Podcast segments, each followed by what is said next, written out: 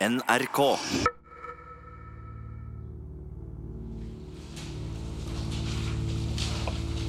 Altså, du drar jo i august. Ja. Ja. Så kan du bare begynne å nærme deg litt det, for du har brukt ganske lang tid på å komme fram til det som egentlig da gjelder tiltalen. Eh, det skjer noe hjemme, og vil egentlig bare vekk fra Norge.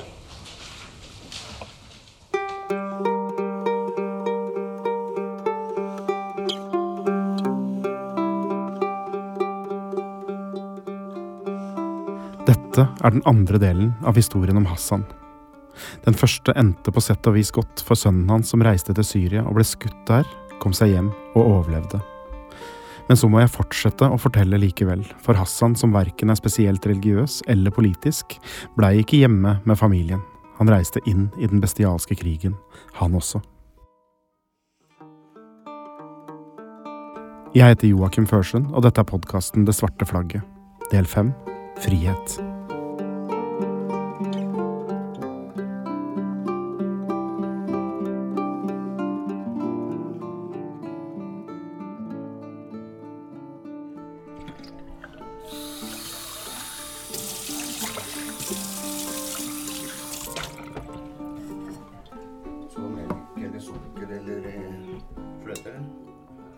Tar den Det er blitt høst i Trøgstad, og i huset der Hassan soner, er stemninga lett. Det er flere bortover i gangen som snart skal løslates, og dette er det siste intervjuet jeg gjør her inne, for snart er Hassan en fri mann. Han skal inn i ny leilighet, han skal få nye naboer, folk han ikke kjenner, folk som ikke veit at han har vært i Syria. Og så skal han treffe familien, kona, ungene, han skal se dem inn i øynene og prøve å gjøre ting godt igjen. Ting gikk veldig gærent. Hva er det som gikk så gærent? Vi hadde en fin tur sammen med familien. Og jeg rusa meg på turen hjem fra ferie. Og det resulterte i at eh, jeg fikk klar beskjed hjemmefra at jeg kunne egentlig bare pakke, pakke alt og bare flytte ut. Og de ville ikke ha noe mer med meg å gjøre lenger. Så du hadde brent uh, broene dine, var det en av grunnene til at du dro? Ja. Ja. Dette er sommeren 2014. Hassans sønn har vært hjemme i Norge i et halvt år, og i Syria er president Assads krig mot de forskjellige opprørsgruppene blodig og intens. Den perioden her så ble jeg jo som sagt jeg, Vi felte veldig mye i media. Jeg husker jeg så en, en dokumentar tilbake til eh, Homs. Og jeg så barn som ble gassa, gassa og små barn som lå og skrek etter tønne bomber. Og når jeg først tenkte at ok, hvis, hvis ikke familien familie som er så viktig for meg, ikke de, de vil ha, seg, ha meg i sitt liv lenger, så skal jeg prøve, prøve kanskje for en gang for skyld gjøre noe godt for noen andre.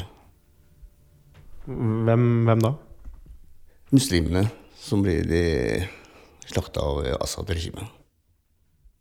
Altså, Det var jo ikke så veldig lenge siden du hadde vært uh, ved grensa, og du hadde hørt hva som foregikk uh, bare et par hundre meter over grensa. Uh, var du ikke redd for at det bare skulle ende i total katastrofe med en eneste gang du kom inn i Syria? Nei, også. Jeg tenkte ikke det første at jeg skulle gå ut, ut i fronten. Liksom. Jeg tenkte at jeg kan hjelpe dem med det og andre ting. Å levere mat til folk.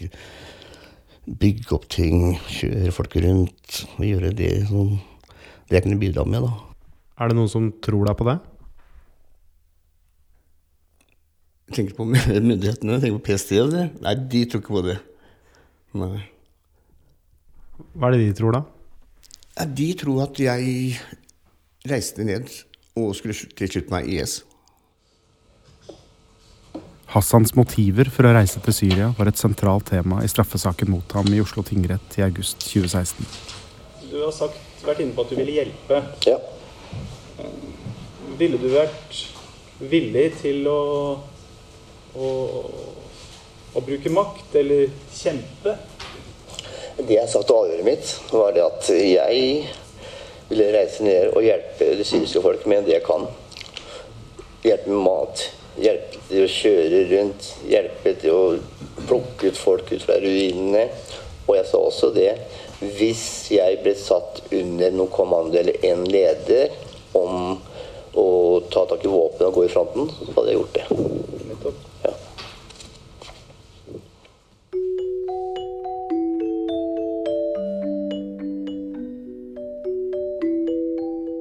Sønnen til Hassan var ikke den eneste fra Fredrikstad som hadde reist til Syria, og kort tid etter at Hassan hadde sett dokumentaren om lidelsene i Homs, fikk han vite at en venn av sønnen hadde pakka sekken og snart var på vei nedover. Det som skjedde, var at jeg var og besøkte en venn av sønnen min. Jeg var hjemme hos han. Og eh, jeg så at han hadde pakka bager hjemme. Og da la jeg eh, med to pluss to. Så fortalte jeg at hvis han skulle reise ned, så måtte han gi beskjed. Da var jeg klar for å bli med han nedover. Og etter mye fram og tilbake så sa han at jo, han, var, han skulle nedover. Fortalte du eh, sønnen din at du skulle dra? Ja, jeg gjorde det. Hva sa han til det? tror jeg de kom veldig overrasket på at jeg hadde bestemt meg for det. Kanskje på en annen måte så forsto han kanskje også at, eh, at ting gikk så gærent hjemme at ikke jeg ville være hjemme og heller finne på noe annet. Uh, rusa du deg mye på den tida? Ja, det gjorde jeg. Hadde en del amfetamin med meg, og en del masse tab tabletter, smertestillende med meg inn i Syria.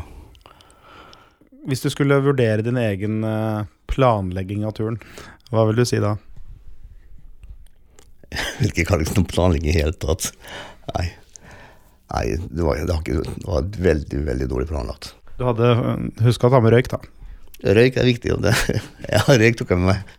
En som var kan bra planlagt, var at eh, noen av de tingene jeg kjøpte meg, som kanskje var nyttig å ha med seg ned dit. Vi begynner å gjøre en del innkjøp før reisen. Kikkert, førstehjelpsutstyr, eh, vannflasker, walkietalkie. Så er egentlig Så reiser vi reiser vi av gårde. Hadde du et eh, klart bilde av hva Syria var, tror du? Ikke i hele tatt. Nei, ikke i hele tatt. For at uh, Jeg vet på eneste jeg fikk var hørte på den turen jeg hentet sønnen min, at FSA holdt litt på den der grenseovergangen. Og da trodde du at det var eh, FSA som, som kontrollerte den grensa? Ja, jeg, jeg trodde at, at jeg kunne dra opp grensa og komme over grensa og finne FSA og eh, til, til, tilslutte meg dem.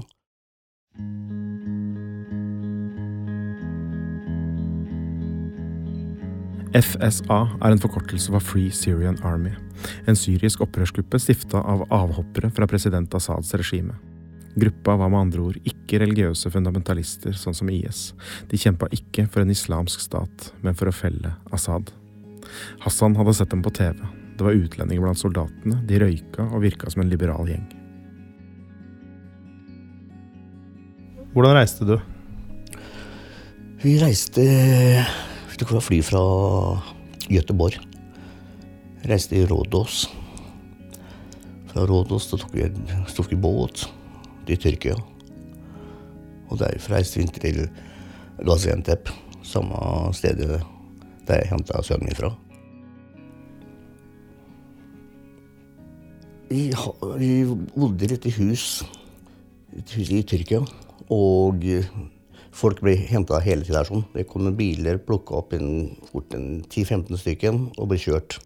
Og så til god stund så ble de bare plukka ut. Pekte på meg, kameraten min, en del andre folk. Gikk i bilen og ble kjørt av gårde. Var du noen gang i tvil om øh, hva du drev med? Nei. Jeg visste hva jeg drev med. Eh, Jeg visste at jeg skulle ville til Syria. Men jeg visste ikke at hva var jeg latt meg ut på. Hvilken reise jeg latt meg ut på. Det visste jeg visste ikke på den tida der i det hele tatt. Jeg ikke det. Og plutselig så bare f- bråbremser han. Døra, døra går opp, og så begynner han å skrike 'jalla, jalla, jalla'. Hva, hva betyr det? Fortere, kom igjen, kom igjen på arabisk. Så får vi beskjed bare å ta tak i en koffert og begynne å løpe. Og den tung, kofferten jeg tok, den var veldig tung. Den slet jeg skikkelig med. Og vi løp ca. 20-30 meter rett fram. Og så var det en liten grøft. Skled litt, sånt, ble litt svårt. Så var det løpe etter de andre. Ca. 50 meter til, vel. Og en liten jernbaneovergang. Jernbanelinja Hassan kryssa er den 100 år gamle forbindelsen mellom Bagdad og Berlin. Den legendariske Orientekspressen gikk en gang på disse linjene, men ikke nå. Nå var året 2014, den islamske staten hadde oppretta sitt kalifat, og fremmedkrigere fra hele verden løp over de gamle togskinnene. Og blant dem en mann i midten av 40-åra fra Østfold. En familiefar med amfetamin og Malbro i kofferten, som ikke hadde noe liv hjemme i Fredrikstad lenger, men som leita etter et her, i Syria. Og så fort du kom på andre sida, så sto det biler parkert på andre sida. Vi kjørte, vi kjørte en, en times tid. Veldig ulendt terreng. Og varme og mye støv. Og i Syria er alt er sånn lyserødt der nede. Mye sand. Og mens vi kjørte, plutselig så var vi i en liten by. Og bremsa opp og så at porter gikk opp foran oss. Og så på bygningen at det var, masse kulehull. Og at det hadde vært kamper rundt på det området der sånn. Og eh, så var et svært vanntårn som sto der sånn. Så så jeg at IS-flagget sveia opp på toppen.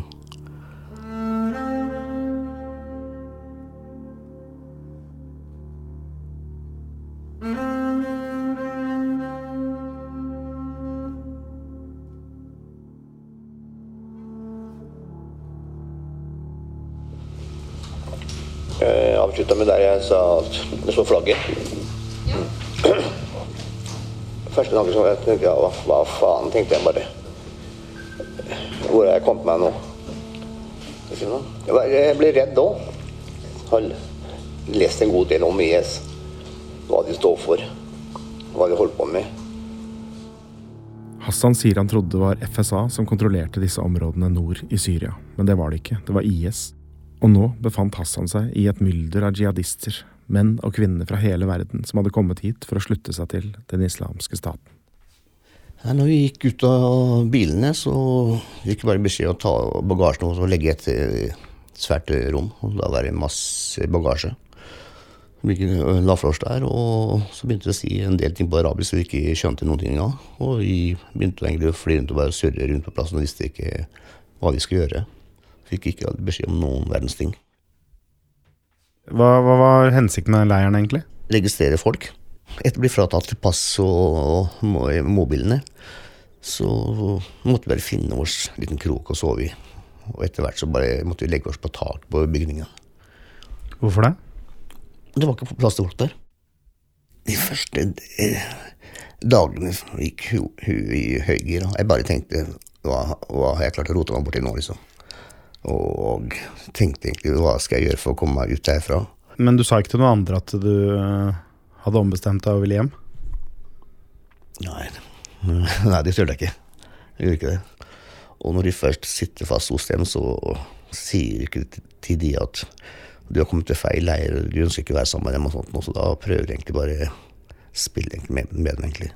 Når jeg først fant ut at det var IS-leir jeg hadde kommet inn, så tenkte jeg på de par kartongene med røyken som lå der, sånn amfetaminet som lå der, og masse tabletter som lå i bagen.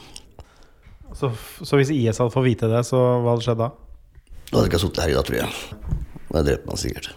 Så jeg egentlig etter å måtte levere fra oss mobilen og passet, passavare, så prøvde jeg egentlig å komme meg inn på rommet der og få, få fjerna de tingene som lå der. sånn.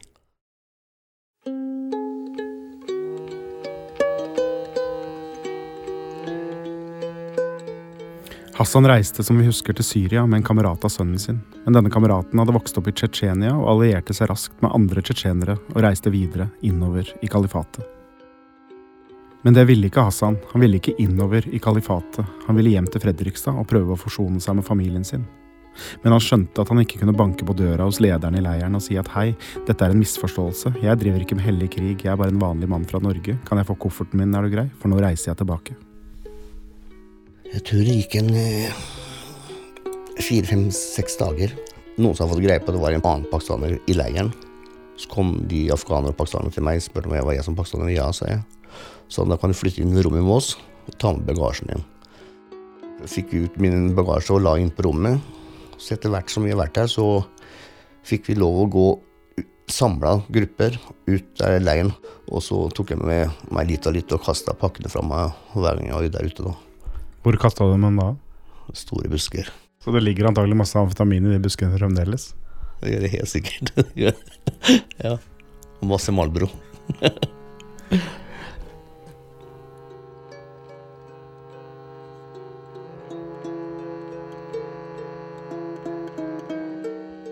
Etter en stund så ble bare plutselig folk, navnene til folk ropt opp. Og eh, folk ble kjørt, tatt inn i busser og kjørt av gårde. Eh, Visste du noe som helst om hvor du skulle, eller hva du skulle da du ble ropt opp? Nei, eneste jeg har fått med meg at de skulle videre til en leir. Hva slags leir visste vi ikke. Og de, de sa veldig lite hva som skulle skje.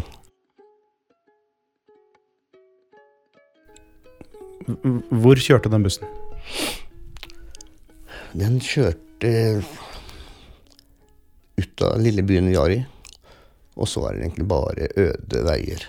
Mye sand der nede. Og bilene vi så der nede, var slitte biler, gamle biler. Så var det, kom det en på bussen, så begynte han å synge en nasjid. Hva er det? Sånn religiøs melodi. Husker du hva det var?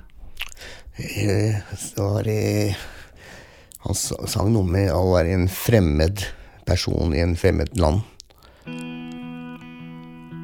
Det var jo deg, det. Ja.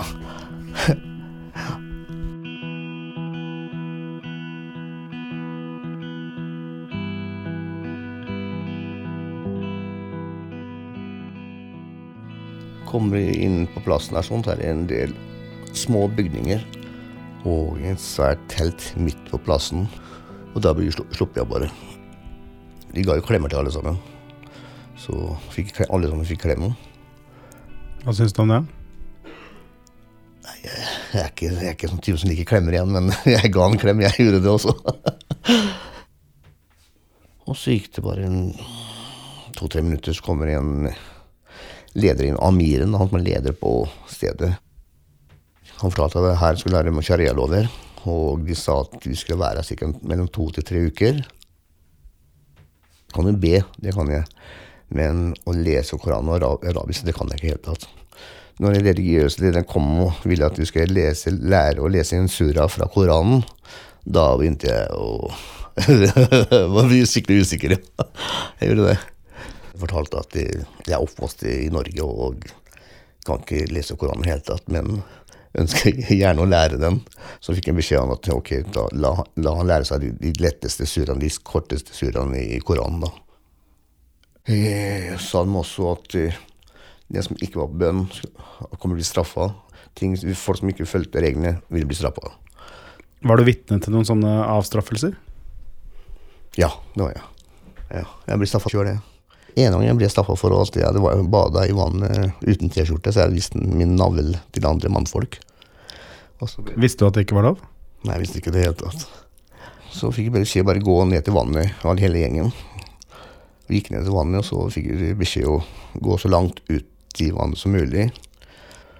Og når han sa vi skal ned til vannet, så tenkte jeg verste, for jeg, kan ikke, jeg, har, jeg er redd for vann, jeg kan ikke svømme. Og når jeg fikk beskjed å gå ut i vannet, så ser jeg han kommer den ene mot meg, han som er finansietta, så kjører en kolba ned der og holder meg under, under vann. Hva tenkte du da? Jeg vet hva, Da var jeg sikker på at jeg skulle dø også. Ja, har panik, jeg fikk skikkelig panikk under vannet der sånn. Og han har holdt meg nede, så jeg slet der sånn. Det var heldigvis han slapp eh, kolba seg opp, så jeg kom opp fikk, fikk, fikk opp pusten igjen. Jeg måtte løpe bort til en svær åpen plass. Da fikk jeg beskjed om å legge meg på magen, og så åle seg framover. da. Men så begynner de å skyte skarpt ved siden av oss. Og da sa- satte opp farta skikkelig, da. Måtte over hele plassen. Helt ferdig da jeg kom over, der. Sånn, blodig. Jeg hadde blod på albuen og sokket ut. Og. Altså. Det var straffen min for å bade uten T-skjorte.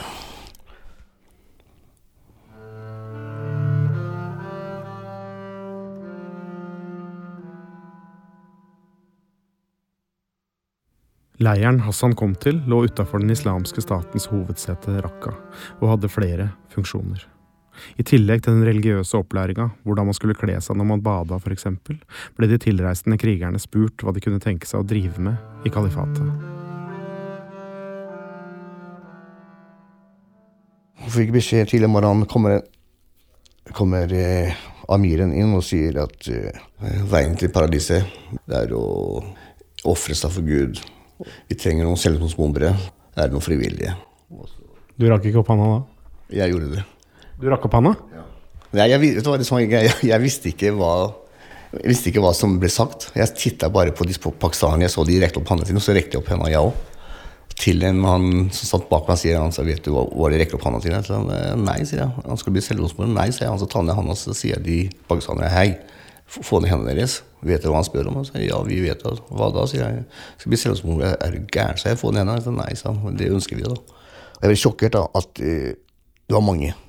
At det var så mange som rakk opp hendene sine. Fra unge til eldre folk. Hvor unge? Det var er på 15-16-årsalderen. Og dagen etterpå så sier de at eh, vi har noen dårlige nyheter. At eh, dessverre alle kan ikke være med. Og eh, så vi må ta loddtrekning på hvem som skal få være med. Så ble det skrevet navnene på alle sammen i en svær bolle. Så ble det trukket opp navn, og hver gang navnet til folka ble ropt også, de ropte Allahu akbar og var kjempefornøyde.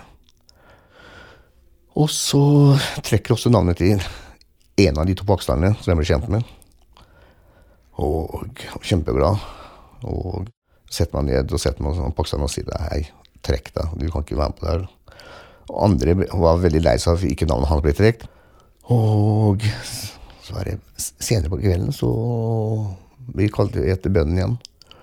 Så hadde, sier han, lederen, lederen her at vi har noen gode nyheter at alle som har skrevet seg på en liste, alle skal få være med. Så var det skikkelig jubel i leiren. Og så gikk det bare en dag eller to, og så kom det en del busser opp og henta dem.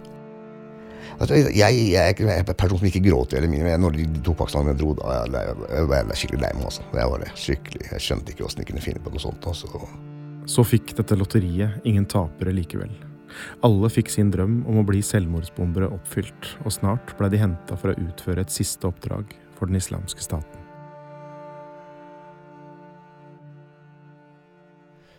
uke etter uke før vi er ferdig, så, så kommer de med sånn aggregat og setter på agg- aggregat i moskeen. Kommer med lerret og sånne ting. Og sier vi skal se på, skal se på film i kveld. Og da setter jeg på den der jeg var det britisk eller amerikansk journalist eller person de hadde tatt nede i Syria. Jeg skjønte liksom hva som, var, hva som skulle skje, da. Så jeg titta bare vekk, bare. Mens andre jubla og Lederen som sto på utsida, de begynte å skyte opp i lufta med AK, kan du si det sånn.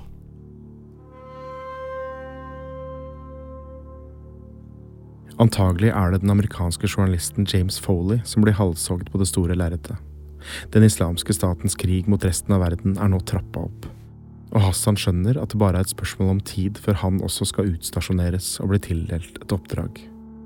Men så skjer det noe beleilig. Hassan blir sjuk, og han tenker at denne sjukdommen kanskje kan være billetten ut av krigssonen. Mens jeg var på skjærleiren, så fikk jeg en infeksjon. Jeg begynte å tisse blod.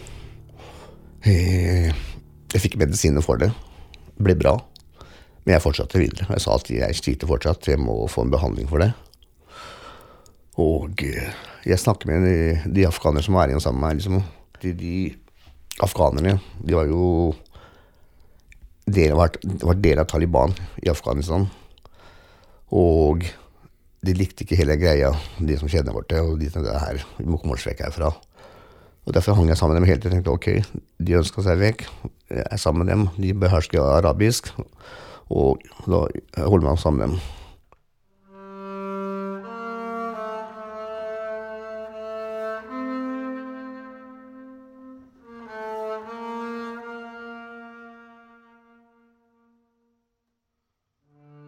De trengte en del folk til å, til, som skulle sende til Irak. Så tenkte de en del folk som ble sendt til Homs. Og der skulle de, den militære treninga starte. Det får behandling når de kommer ned dit. Så fikk vi bare beskjed at hvis ikke folk, vi får nok folk til Irak eller til Homs, så bare plukker vi bare ut bare folk. Så sier jeg til dem hei, vi reiser til Homs.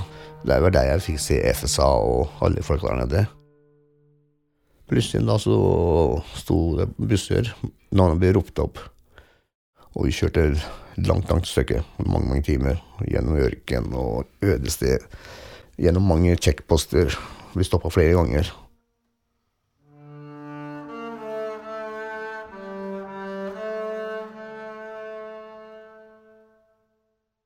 Hassan forklarer at han nå tror at det omsider vil være mulig å slutte seg til Free Syrian Army, og at han kanskje kan finne en vei ut av denne miseren på den måten. Men så, like utafor Homs, snur bussen hans. IS har bestemt at Hassan og de andre soldatene ikke skal til Homs likevel, de skal sendes andre steder. Ingen veit hvorfor, og ingen veit hvor, men snart slår de leir i en liten landsby i påvente av nye instrukser. Og kom vi fram til et sted. Vi flytta inn i et par hus der sånn. En dag var jeg i bønn. Husker jeg midt i bønn så hører jeg det kommer fly liksom over oss. Og da stuper det stuper nedover. Og det er ikke langt unna. Og jeg tenkte, jeg nå, er, nå er tida mi kommet, tenkte jeg. For nå er jeg ikke langt unna. Og tenkte ok, men det er greit, jeg sto her for litt bønn, da. Og kanskje jeg dør i bønn. Kanskje jeg kommer til paradiset pga. det, liksom. Du har litt flaks, da, siden du har levd et såpass uh, syndig liv. Ja. Ja. det gjorde ikke det. da. Så det smalt i tre-fire hus bortafor oss. Og så var det masse folk som løp bort og prøvde å bære vekk steder og finne folk der inne, lene folk der inne. Mens det var mye folk der, men når jeg ser liksom at de drar opp en Det var ikke en gammel jente, altså. Som lå helt knust liksom der sånn. Hvor gammel var hun, tror du? Seks-sju år. Ja. Seks-sju år. Og ikke mer enn det også, bare og masse kroppsdeler bare, da. Og da bare trakk jeg. Jeg klarte ikke å gjøre noe. Jeg bare sto bare helt rolig og jeg klarte ikke å gjøre noen ting. Hassan innser nå at han befinner seg midt i krigssonen, og at Assads styrker veit at den lille landsbyen skjuler IS-soldater. Et nytt angrep kan komme når som helst, men Hassan må likevel tråkke rundt i ruinene i flere dager. Og stadig gjentar han løgnen til sine militære ledere om at han er alvorlig sjuk. Og så gikk de bare og venta, venta på hva som skulle skje.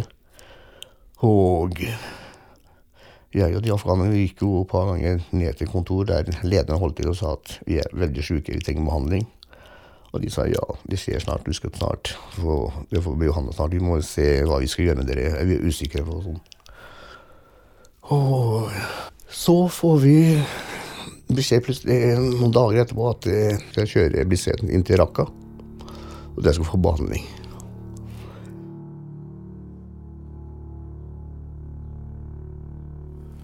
kommer der på utover kvelden. Og eh, du så IS-flagg overalt. Du så bygninger med IS-flagget på. Mye folk med våpen. Mye pickuper med IS-flagg.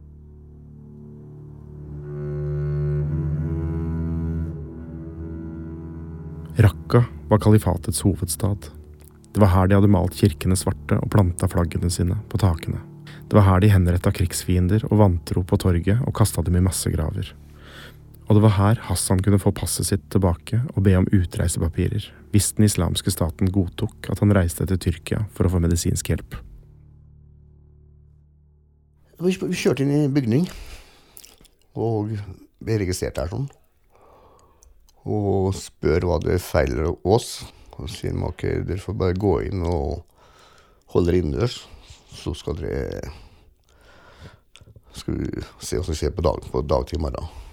Eh, Vi var der borte og eh, begynte med sultne. Spurte om vi kan stikke ut og kjøpe oss litt mat. De sier men det ikke problem, bare ikke rot dere bort, bare, for det er en stor by. Det var på kveldingen, og det var liksom litt, litt skur, egentlig. Som drev og solgte sikh-kebab. Jeg hadde ikke fått spist ordentlig mat på lenge, så det er det stedet vi fikk ordentlig mat, egentlig. Veien tilbake, så Jeg vet ikke hva vi gjør, for vi, vi går og har feil.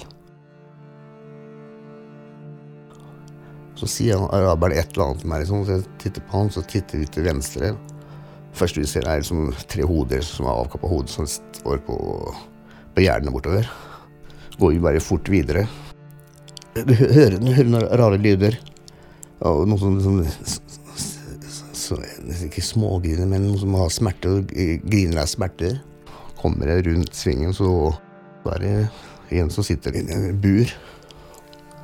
Og så han sier et eller annet på arabisk, og sier han eh, han er afghaner at han vil at vi skal hjelpe ham å komme ham ut. Nå ser jeg at det er sånn svær lås på gitteret, de får ikke gjort noen ting da. Og da bare Jeg, jeg skynder meg vekk, fort vekk fra det stedet. Bildene av disse hodene, omhyggelig plassert på tre gjerdestolper, hjemsøker Hassan fremdeles, og han lengta ikke noe mindre hjem til Fredrikstad etter denne nattlige utflukten i Raqqa sentrum.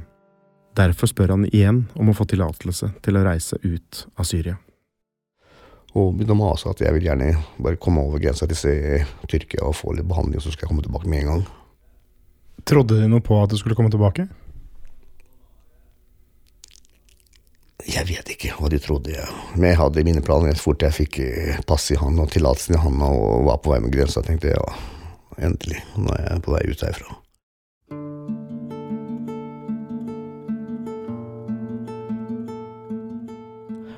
Vi kjørte nærme grensa og fikk bare beskjed å løpe. Og løpe av gårde over grensa. Og så sto det en bil parkert på andre sida som vi kast- satt oss inn i. Spurte hvor jeg skulle hen, så sier jeg at eh, i sentrum, sier jeg bare. Ja, fort vi har kommet derfra, så kasta meg en taxi og tok eh, taxi rett til fly- flyplassen.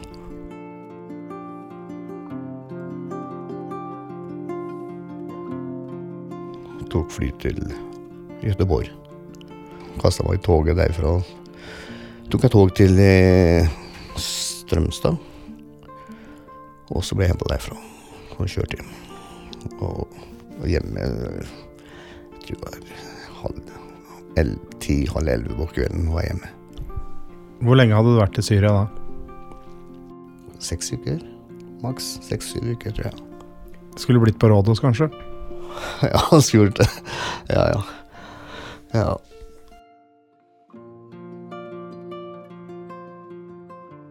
Hassan ble pågrepet av Politiets sikkerhetstjeneste og snart tiltalt for deltakelse i terrororganisasjonen IS og for å ha inngått en avtale med IS om å kjempe sammen med dem, i jussen kalt terrorforbund. Politiet mente at Hassan hadde planlagt reisen sin grundigere enn det han sjøl sa, og de trodde at han hadde funnet på dette med FSA i ettertid. Grunnen var enkel. Hvis Hassan hadde reist til Syria og alliert seg med dem, så ville han ikke gjort noe ulovlig. Men hvis han faktisk dro for å slutte seg til IS og for å delta i strid med dem, så ville han brutt loven. For IS sto på FNs liste over terrororganisasjoner. 8. januar. Skjønner at ikke du eh, husker nødvendigvis den datoen. Så sier du at det ikke var meningen å slutte seg til IS. Situasjonen ble ikke helt som planlagt. Sier du noe om FSA da? At du skulle slutte deg til FSA? Har du, har lest forklaringen min, da? Ja, jeg har det. Står det ikke noe FSA der? Nei. Nei. Så det jeg lurer litt på, er hvorfor ikke du fortalte at du hadde tenkt å slutte deg til FSA. For det gjør du først 14. januar. Første eh, avhøret vi hadde starta på, det var fem-seks timer. Så vi ble ikke ferdig. Men en så viktig ting som eh, at du skulle til en annen gruppe Ja, men det, det kom, det kom jo avhøret, det. Ja, det derfor, kom jo- jeg spurte om har du lest avhøret. spurte Ja, jeg. selvfølgelig er det. Ja. det Men det står, det står det i avhøret, da. Nå er det jeg som avhører deg. Ja. Ja. Er dette bilder av deg? ja. Ja. når det gjelder vår kultur i Pakistan bl.a. Det er eh, De fleste av oss pleier jo å bli tatt i avbud med forskjellige våpen. Tenkte også videre at jeg ville ikke bli, at folk skal bli, få noen mistanke mot meg. Og jeg prøvde å egentlig å gli inn blant de andre. Når jeg så at de tok bilder, så gjorde jeg det egentlig samme. Juryen i lagmannsretten dømte Hassan for å ha slutta seg til IS, altså for såkalt terrordeltagelse. Men de fant det ikke tilstrekkelig bevist at Hassan hadde inngått noen avtale om å krige for IS. Bildene der han poserte med våpen, var ikke noe bevis for det, mente juryen, og som den eneste av de såkalte fremmedkrigerne ble Hassan Ahmed frikjent for terrorforbund. Derfor fikk han fire års fengsel, halvparten av det sønnen hans fikk. Og derfor blir han løslatt nå i høst.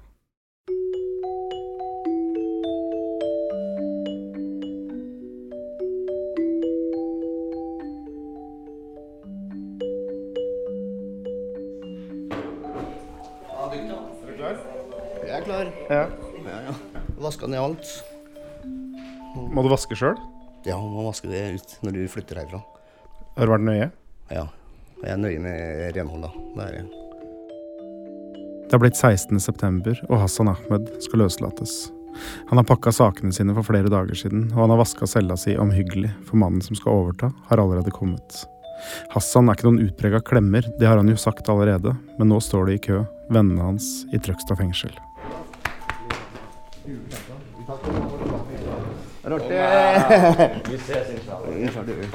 Lykke til. Aga. Ikke ta det helt uh, bajas, da. Nei, nei, nei. Er du gæren? Hei da. Alt godt. Medisiner, har du yrkesstatus ved løslatelse? Yrkesstatus i løslatelse. Hva sier du for noe? Uten fast arbeid? Sånn. Ha det bra. Sånn. Ha det. Takk for meg. Hyggelig å ha deg her. Jo, takk. Ta vare på deg sjøl. Det skal jeg gjøre,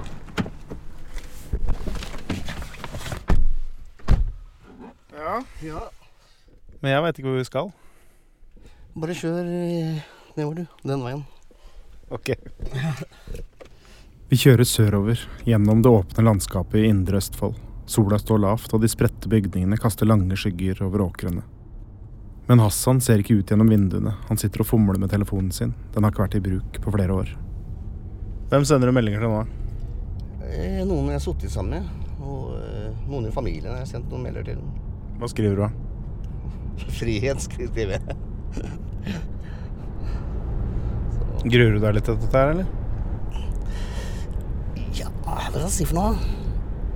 Det blir veldig uvant etter så mange år da, hvis inne og skal ut. Prøve å finne nye venner, nytt miljø som er bra for meg, og stille opp mer for familien. Hvordan skal du finne nye venner, da? Eh, De må vel gjennom eh, jeg skal begynne å kjøre en del eh, motocross på Rudskogen. Og så har jeg tenkt å melde meg inn i noen sjakklubb eller et eller annet sånt noe, da. Sjakklubb? Ja. Motocross og sjakk, det er det du skal drive med? Ja, Det er planen inntil videre, iallfall. Det er ikke noen dårlig plan, det, da. Nei, nei, nei, det er bra, det. Har du snakka med sønnen din etter at han ble overført, eller? Ja, det har jeg gjort, ja. Hassans sønn, som også ble dømt for å ha reist til Syria, er overført fra et ordinært fengsel til en åpnere soning. Det gjør at Hassan nå får muligheten til å ta opp kontakten med han. Jeg skal, jeg skal jo møte han på onsdag, altså. Du skal møte han på onsdag? Ja. Skal vi, skal vi finne på noe sammen, så Når han tar kortpermisjon, skal vi prøve å finne på et eller annet sammen, da. Så. Hva da? Nei, stikke ut og spise litt, eh, slappe av litt hjemme og kanskje stikke opp på Rudskogen, tenkte vi. Tror du folk kommer til å være redd for deg, eller? Jeg vet ikke. Jeg håper ikke det. Nei, jeg, er ikke noe, jeg, jeg er ikke personen som bør være redd for i det hele tatt. Veit naboen din at uh, du er dømt for øh, å ha vært med IS, eller? Nei, jeg er ikke noe jeg kommer til å fortelle noen det hele tatt. altså. Kommer du til å prøve å holde det skjult at du er dømt for det du er dømt for? Ja, det er ikke noe å gå og reklamere, reklamere det også. Jeg er ikke noe stolt av det å være dømt for det jeg har vært dømt for. Men jeg håper det virker at hvis de får få greie, greie på hvem jeg er, at uh, istedenfor å gå og tro og mene masse rart at de kan komme til meg og spørre meg isteden, så skal jeg, kan jeg heller snakke med dem. Men du, eh, hva, hva, skal du gjøre med de marerittene dine som, eh, som hjemsøker deg? Er du redd for at uh, når du legger deg i kveld og lukker øya, så, så dukker det opp igjen? Jeg, Jeg gruer meg til eh, hver gang jeg legger, meg. Ja. Så jeg, jeg gruer meg alltid til at kvelden kommer. Jeg vet ikke åssen kvelden, kvelden blir. liksom. Hva er det som kommer da? Eh, folk eh, Så kommer med finlandshetter og sier liksom at 'Å, du lurte oss, nå kommer vi for å hente deg igjen', og sånne ting. Og Inn her? Ja.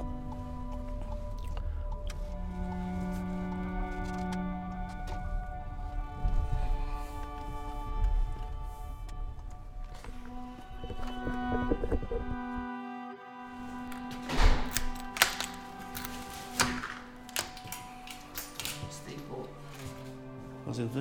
Jeg syns det var ålreit, jeg. Terrasse og Har du lyst på noe? Brus? Te? Kaffe? Nja Hva skal du ha, da? Jeg vil ta en brus, jeg. Ja, ta en brus, da. Hva skal man ha? Ja, et glass cola hadde vært fint.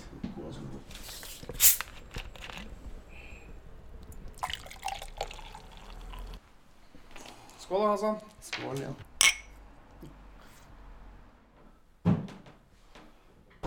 Hassan setter seg på huk foran stereoanlegget. Han setter på en indisk sang. Den demper uroen han har i kroppen, sier han. Så forteller han at han trenger nye gardinstenger og et par stoler til verandaen, men at han gruer seg til å gå i butikken og kjøpe det, for han er så lite vant med vanlige folk. Og så sier han at han vurderer å kjøpe seg en papegøye, for det er så mye selskap i dem, og den forrige han hadde, måtte omplasseres da han ble arrestert.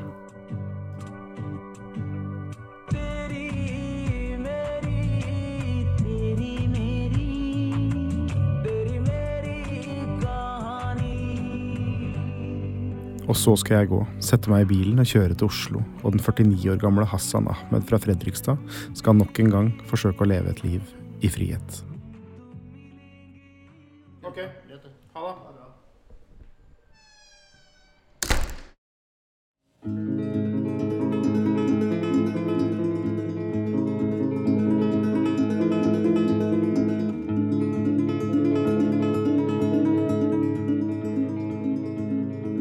Dette var den femte og foreløpig siste episoden av Det svarte flagget.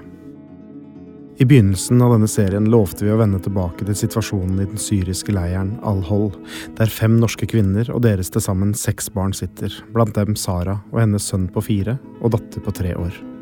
Jeg er i løpende kontakt med Saras familie, men det er vanskelig å komme i kontakt med henne direkte. Tyrkia har invadert Syria siden sist, og sikkerheten i leiren er forverra. Men vi skal følge Sara og hennes familie videre, og kommer tilbake med en ny episode så snart det er mulig. Denne podkasten er produsert av Monster for NRK. Den er laget av Sigurd Øygarden Fleten og meg, Joakim Førsund. Musikken er komponert av Klogs og Steinar Aknes, og episoden er miksa av Hans Kristen Hyrve. Redaktør i NRK er Anne Kvadsheim. Alle episodene av Det svarte flagget blir gjort tilgjengelig i appen NRK Radio.